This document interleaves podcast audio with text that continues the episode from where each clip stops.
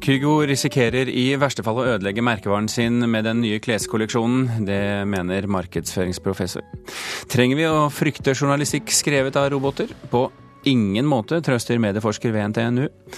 Og en av musikerne i, under Kammermusikkfestivalen i Stavanger var blant de som ble utsatt for massevoldtekt i Egypt. Festivalsjefen tok kontakt etter TV-dokumentar.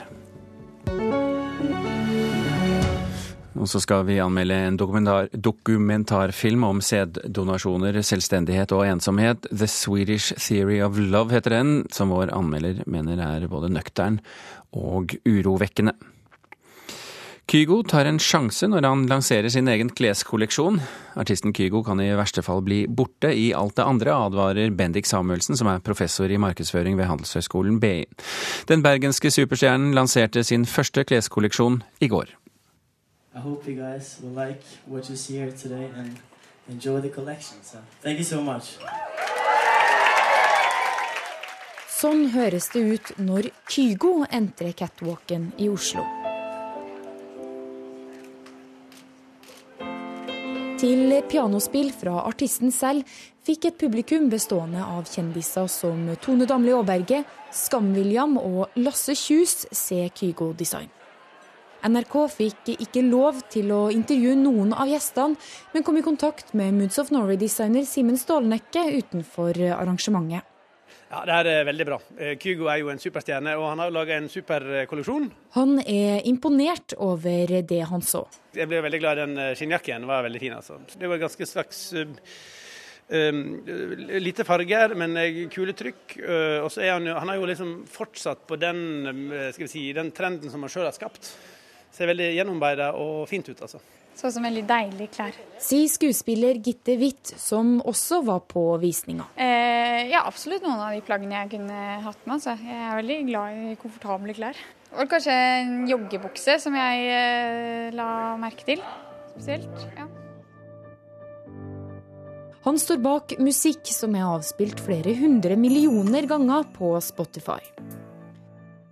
Tirsdag ble det klart at han skal avslutte OL i Rio de Janeiro. Og nå er han altså ute med sitt eget klesmerke. Altså for min del så har jeg alltid vært interessert i hva jeg selv går med. Da. Jeg kan gå inn i butikker og lete etter den perfekte T-skjorten som sitter perfekt, og som har deilig stoff og kult design. Altså, så for min del så handlet det om at jeg, at jeg ville lage mitt eget, hvor jeg kunne være med og lage, altså kunne konstruere disse perfekte T-skjortene i mine øyne fra begynnelsen av.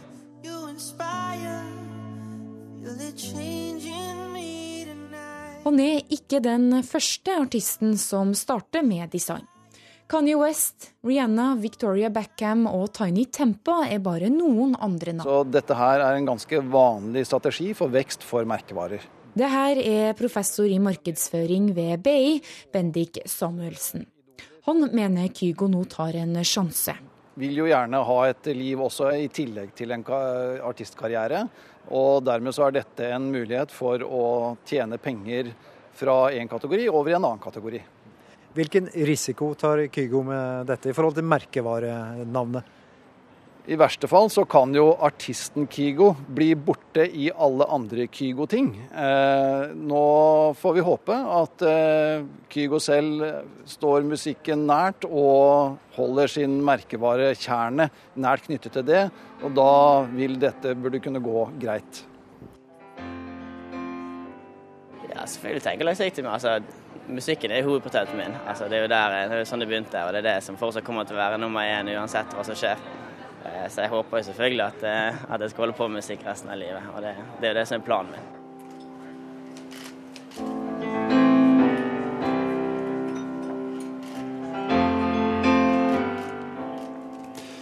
Reportere her, det var Odd Nytrøen og Marit Gjelland. Og pianomusikken du hører var Kygo fra gårsdagens lansering.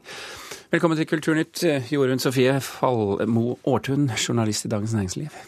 Tusen takk. Hva syns du om denne Kygo-kolleksjonen? Du, Denne kolleksjonen er utvilsomt veldig tro mot Kygo sin personlige klesstil.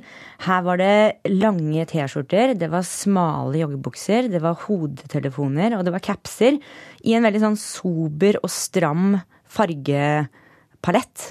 Det er mye sort og hvitt og grått, vel, egentlig? Mye sort, hvitt og grått. Eh, dette er en gjennomført kolleksjon. Eh, jeg syns eh, Kygo har utformet et ganske sånn tydelig konsept som er erkeskandinavisk og ganske salgbart. Vitner det om at det er han som har vært mye inn i, i, i konstruksjonen av kolleksjonen, for å si det sånn? Nei, jeg tror det vitner eh, først og fremst om at han har klart å hente flinke folk som han har i ryggen um, i dette konseptet. Og, og selv, om, selv, om, eh, kolleksjonen av disse plaggene kanskje ikke kan kalles så veldig unike, altså det finnes lignende plagg i mange andre skandinaviske kolleksjoner, så tror jeg nettopp de trygge valgene som han har gjort, kan bidra til at han når ut til langt flere enn blodfansen. Man kan jo si det sånn at det ligner litt på måten han lager musikk også? Velge de trygge løsningene som når mange? Ja, det kan man kanskje si. Hvorfor tror du han har valgt eh, akkurat klær og akkurat eh, disse klærne? Jeg tror det har sammenheng med at man ønsker å bygge et sterkere merkevarekonsept. Eh, det er jo på en måte et skritt i retning av at man blir mer et livsstilsbrand enn, enn, en, enn en rendyrket artist. Man ser synergimuligheter, det er en mulighet til å holde seg varm i media på, og det er en mulighet til å tjene enda mer penger. Er det mange kjendiser, og, og, da kanskje typisk musikere og artister, som lykkes veldig godt med denne måten å, å drive business på?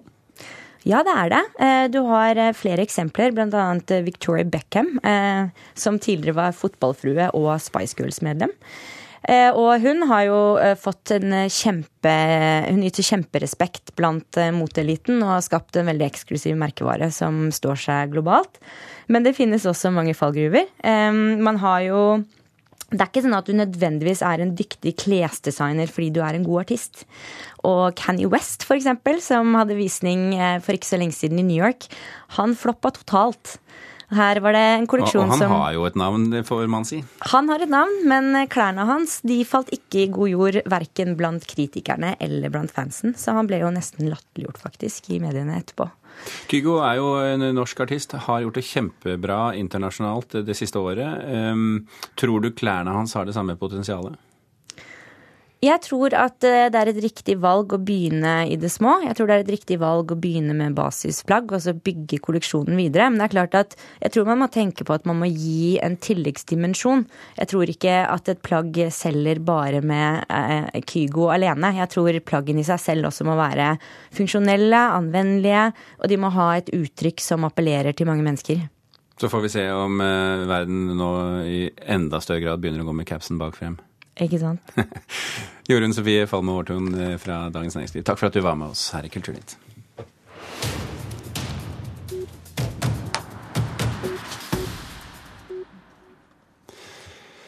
Én av to nordmenn frykter at de ikke klarer å henge med i den digitale fremtiden. Det viser ferske tall fra Telenor, som holdt internettkurs for 100 seniorer under Arendalsuka. Mange unge er nervøse også, men det er flest eldre som er bekymret. Tallene viser også at sju av ti nordmenn frykter et digitalt klasseskille. I Kristiansand får barn og unge som lever under vanskelige forhold et helt unikt tilbud av Blå Kors. Som en del av arbeidet mot rus gir organisasjonen unge fra 8 til 20 år anledning til å lære å spille musikk av kjente norske bandmusikere. Arvid Solheim i Blå Kors i Kristiansand er stolt av dette tilbudet som det ikke finnes maken til ellers i landet. Ja, Det spesielle er jo at det er først i Norge, iallfall i Blå Kors. I eh, disse ideelle organisasjonene så finnes det ikke noe tilsvarende. Og dette har vært helt til topps i, i, i vår organisasjon på landsstyrenivå, og det er stor begeistring. Og de følger nøye med på denne, skal vi våge å kalle det, piloten for resten av landet.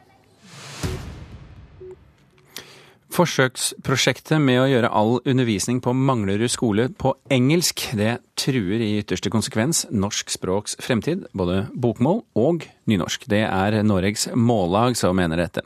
Leder Magne Aasbrenn sier at én barriere er brutt når det offentlige for første gang tilbyr engelskspråklig skole på grunnskolenivå. Vi mener at her går det over en ny barriere, som går ut på det at engelsk blir det viktigste språket i skolen. Undervisninga skal da foregå på engelsk. Og det er litt sånn at engelsk og norsk bytter plass i skolen. Hvis vi nordmenn skal være interessante, ha noe å by på av vår kultur i framtida, så kan vi ikke la bare språket gli ut mellom hendene på oss. Mens barna i aktivitetsskolen leker ute i skolegården, sitter de voksne på Manglerud skole inne og planlegger mandagens skolestart. 80 elever i første til fjerde klasse skal få all undervisning på engelsk, bortsett fra i norskfaget, etter at Utdanningsdirektoratet godkjente forsøksprosjektet med engelskspråklig offentlig grunnskole. Prosjektleder Nina Wroldsen forteller at et flertall av disse elevene har et annet morsmål enn norsk, og at norskferdighetene nå skal kartlegges grundig, slik at alle får norskundervisning tilpasset sitt nivå. Det er derfor vi gjennomfører den kartleggingen, sånn at vi bedre kan skreddersy et språklig godt tilbud for alle elevene. Og, og målet er jo at alle skal kunne ta, ta sikte på en eksamen i norsk i 10. klasse når den tid kommer. Men norske elever de vil følge norsk læreplan. Ja, det vil de. Det er vi forpliktet til. Og vi skal også utarbeide en språkplan, sånn at vi har en språkplan for alle elevene på skolen når det gjelder både norsk og engelsk, og eventuelt eh, morsmål. Men dere har jo færre norsktimer i uka enn det de har i vanlig norsk grunnskole? Det er riktig. Og vi har lagt vekten på engelsk nå i det første året. Og vi vil nok holde oss til et litt lavere timetall, sånn rent i forhold til undervisningen. Men vi forventer også at elevene gjør en kanskje større innsats hjemme. Så vi kommer til å jobbe, samarbeide tett med hjemmet om språkutvikling. Men Mållagets leder Magne Aasbrenn frykter at det ikke vil stoppe med engelsktilbudet på Manglerud. Han sier at det i ytterste konsekvens står om framtida for norsk språk, både bokmål og nynorsk. Vi ser jo på en måte sånn, sånn glidende utvikling i retning av at engelsk blir arbeidsspråk, skolespråk i Norge. Og det er vel de fleste i Norge enige om at det er utvikling som ikke vi ønsker. Det sa leder Magne Aasbrenn i Noregs Mållag. Reporter her, det var Olav Juven. Klokken har passert kvart over åtte med 30 sekunder. Du hører på Kulturnytt, og dette er toppsakene i Nyhetsmorgen nå.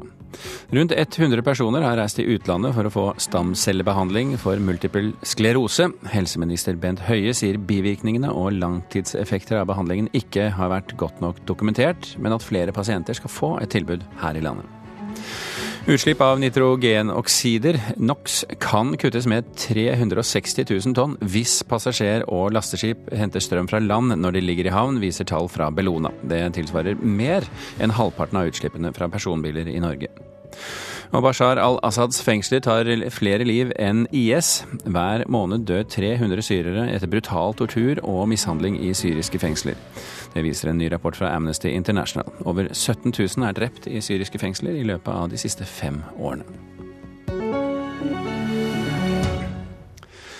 En gang i nær fremtid kan det meget mulig hende at nyhetene du leser ikke er skrevet av mennesker, men av datamaskiner. Såkalt robotjournalistikk skal gjøre mediehusene mer effektive, men det store spørsmålet er vil nyhetene være like mye til å stole på?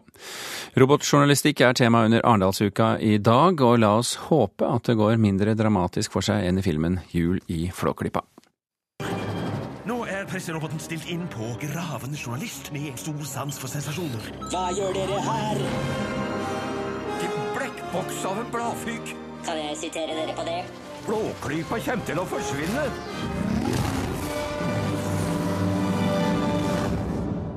Dette kommer jeg til å angre på. Jens Barland, førsteamanuensis i medieledelse og innovasjon ved NTNU. Kommer vi til å angre på robotjournalistikken? Ja, det kan bli veldig spennende. Eh, I hvert fall for journalister og for mediebedrifter kan dette bli skummelt. Men for publikum så tror jeg kanskje ikke forskjellen blir like dramatisk. Så vi står ikke foran journalistikkens dommedag som sådan? Nei, ikke dommedag, men det er klart du vil kunne se store forandringer. Det vi ser eksempler som foregår i dag, er i ganske små skala. Det er jo når dette får storskala en gang i fremtiden, det er da det blir, vi først kan se hvilke endringer det vil medføre. Ja, hvilke endringer tror du det vil medføre?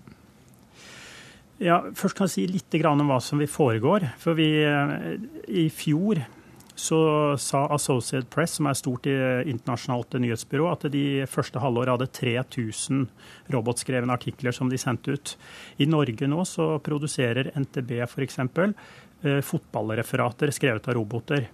Og det man ser eh, nå med det som foregår nå, er at det er hendelser som er ganske sånn standardiserte, hvor du kan beskrive Eh, i programvare ganske klart at enten skjer det eller skjer, så scorer den, og så den, og så er den vinner osv. Eller tilsvarende i finansjournalistikk og resultater, at den egner seg. Men i framtida forventer vi jo at dette her vil kunne ta seg av eh, mye mer eh, avanserte og sammensatte hendelses- og nyheter. Ja, Hva skal til for at vi får robotjournalistikk også på avanserte hendelser? Nei, det, det, blir jo sånn som eh, vi alle har kunnet sett med den digitale utviklingen når det typisk kommer tjenester. Vi er vel de fleste av oss kjent med oversettelsestjenester, sånn translate-tjenester på nettet. De har jo vært veldig dårlige, og så blir de mindre dårlige, og så begynner de å bli bedre og bedre. Og det er jo det vi også ser med robotjournalistikk, eller det er egentlig litt sånn populært, litt eh, rart ord, men det handler jo om at det er programvare og algoritmer da, som lager tekster for oss. Er datamaskiner, ikke sant? Ja, rett og slett. At de blir eh, mer og mer avanserte og greier å, å få til eh, ting på en bedre og bedre måte. Men hva sier du til de som frykter for journalistikkens etiske standard med tilsvarsrett og samtidig imøtegåelse og varsomhet overfor kilder i krisesituasjoner og sånne ting, altså andre Vær eh, varsom-plakatens regler? Ja, det er, jo en av utfordringene her. og Det er derfor jeg tror at uh, det man nå har sett uh, av robotjournalistikk, går på sånn sett litt harmløse områder. Litt sånn enkle hendelser. Jordskjelvvarslinger og sånn er jo også et stoffområde i noen land som man har brukt dette her på. Uh, og foreløpig så er det jo sånn at Først lar man maskinen ta dette raske, standardiserte, og så kommer eh, menneskelig tenkende journalister inn og tar bakgrunn der du skal ha mer sånne typer vurderinger. Men det er klart, etter hvert som dette utvikler seg, så vil jo dette ta steg opp i, opp i sånne områder. men Nei, Jeg vet ikke helt hvordan man håndterer det, men jeg er ganske sikker på at etter hvert som de problemstillingene kommer og er det de håndterer, så vil man uh, jobbe med løsninger også opp mot mm. det. Men hva betyr dette for leserne, da? Altså? Nei, leserne tror jeg egentlig ikke vil være de som merker den største forskjellen. Du ser jo også i dag, hvis du søker etter noen navn på internett, så er det noen uh, tjenester som leverer Eh, svar tilbake, der det nærmest er skrevet en artikkel om den personen, hvor du ser at de har hentet informasjon fra masse ulike steder på nettet. Det er også en sånn liten forsmak på hva dette er. Mm. Og dessuten, men, men, uh, Journalistene er jo veldig ja. ja Barland, altså bare, vi får ta med det på slutten. Kunstig intelligens er jo det noe alle snakker om i, i, i bransjen for tiden. Uh, vil det, utviklingen av kunstig intelligens, også påvirke robotjournalistikken? Ja, Det er jo det vi ser for oss som liksom neste fase etter hvert som dette blir mer velutviklet. Og så kobles det med kunstig intelligens, som handler om programvare som bedre og bedre kan forstå hvordan vi som mennesker er og tenker. Og en ikke kunstig intelligens som sådan, men en liten forsmak på den retningen, det, det, opplever vi jo når vi er på Facebook og ser hvordan algoritmen i Facebook bedre og bedre forstår deg som leser, og bedre og bedre kan velge ut hva de tror du er interessert i. Dette får du snakke på, ja, dette ja. får du snakke mer om på Arendalsuka. Eh, takk for at du var med oss fra Arendal nå, Jens Barland ved NTNU.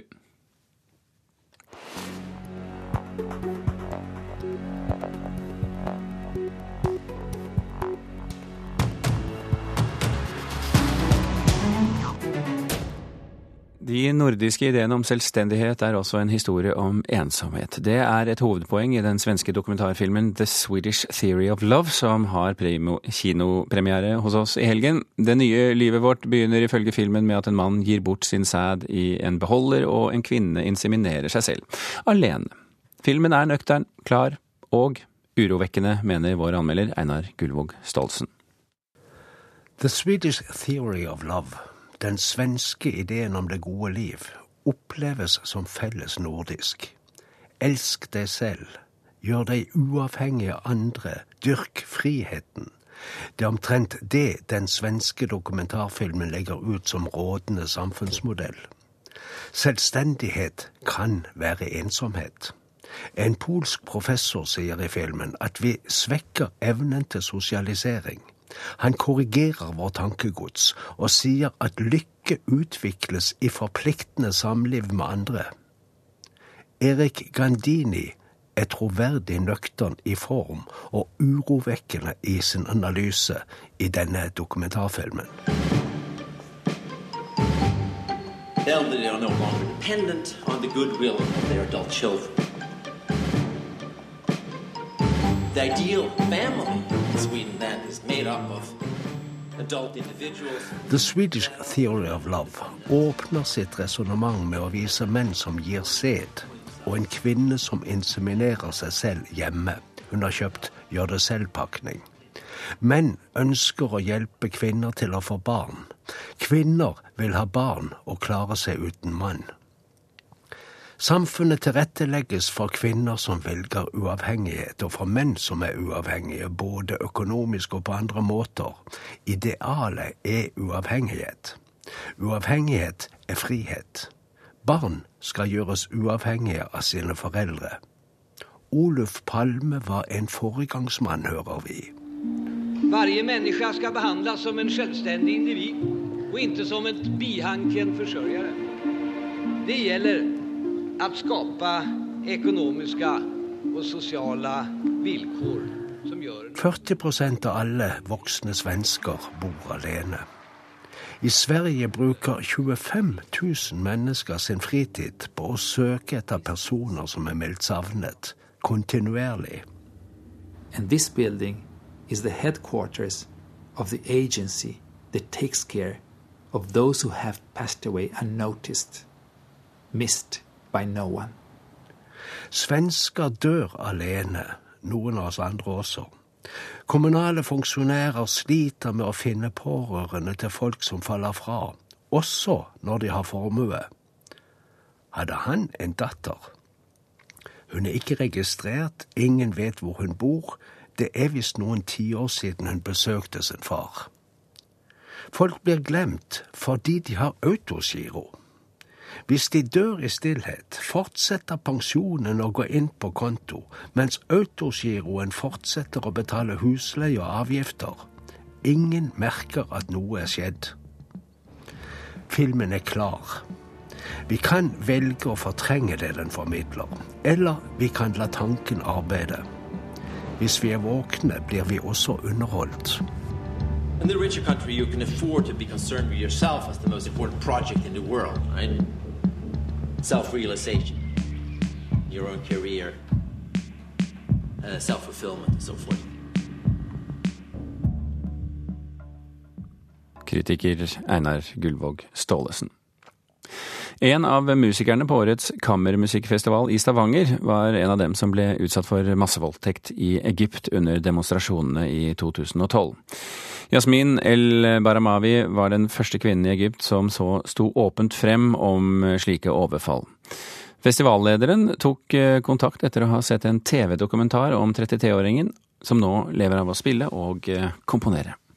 It's like a dream coming true because uh, last year when someone asked me on a TV interview, what, what do you dream of? I said I dreamt of playing with an orchestra. En drøm har gått i oppfyllelse for Jasmin El Baramavi. 33-åringen fra Egypt skal få spille med et helt orkester og andre enkeltmusikere på Kammermusikkfestivalen i Stavanger. Yes, I feel this is the, the real start for me as a musician. El Baramawi spiller på strengeinstrumentet od og sitter i den elegante foajeen og øver. Det er grått og høststille på fjorden utenfor, og avstanden føles enorm til det hun har opplevd, det som er årsaken til at hun har havnet her på festivalen i Stavanger. They were taking me to Mohammed Mahmoud Street. Maybe about they were 15 or 21 in the beginning. The circle where they ran around me. I den NRK-sendte TV-dokumentaren 'Et hjerte som aldri dør' forteller El Baramawi om massevoldtekten hun ble utsatt for under de store demonstrasjonene på Tahrir-plassen i Kairo under den arabiske våren i 2012. I was on my back and my legs were in the air. I can see the people from the balconies watching what's happening, some people screaming. En som så dokumentaren tidligere i år, var Jan Bjøranger, en av de kunstneriske lederne for Kammermusikkfestivalen og leder for orkesteret 1B1. Og hele, hele, denne historien og måten hun fremsto, hvilken ryggrad hun hadde og alt hun sa, gjorde et enormt sterkt inntrykk på meg. Og så begynte jeg å tenke er det noe som helst jeg kan gjøre her hvor jeg sitter? Og at jeg på den måten i kretsen utenfor hennes krets eh, kunne være med å bekrefte henne som det hun ønsker å bli bekreftet som. Nemlig som et eh, levende og musisk menneske.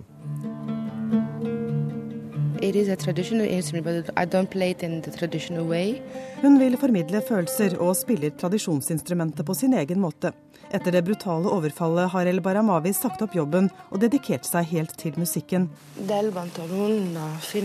Den dansk-norske dokumentaren viser hvordan hun sto fram på TV i Egypt to måneder etter overfallet. Hun hadde ikke engang fortalt foreldrene om saken, men klarte ikke å tie lenger. Uh, det var en stor ting å bryte med stigmaet og skammen rundt seksuelle overgrep i det mannsdominerte Egypt. Det skjer ofte, men ingen blir straffet, sier 33-åringen, som ville åpne folks øyne og gjøre noe for sin egen selvfølelse. Because, you know, the, the slogan of the Egyptian revolution is about freedom and social justice. And um, if you don't apply it on yourself first, then you are a fake person, or you are a weak person, or you are a coward person. Revolusjonen i Egypt handlet jo om frihet og rettferdighet. Det ville være feigt å ikke etterleve slagordene personlig, sier 33-åringen. Nå er det umulig å protestere i Egypt. Musikken er nå min revolusjon, sier Jasmin El Baramawi. Making music for me now is a revolutionary thing because it tells that I am doing something and it might inspire other people better than talking. And now he cannot protest in, in Egypt at all. He can't. Reporter her, det var Anette Johansen Espeland. Kulturnytt er slutt. Thomas Alvarstein og Birger Kolsrud Aasund takker for følget.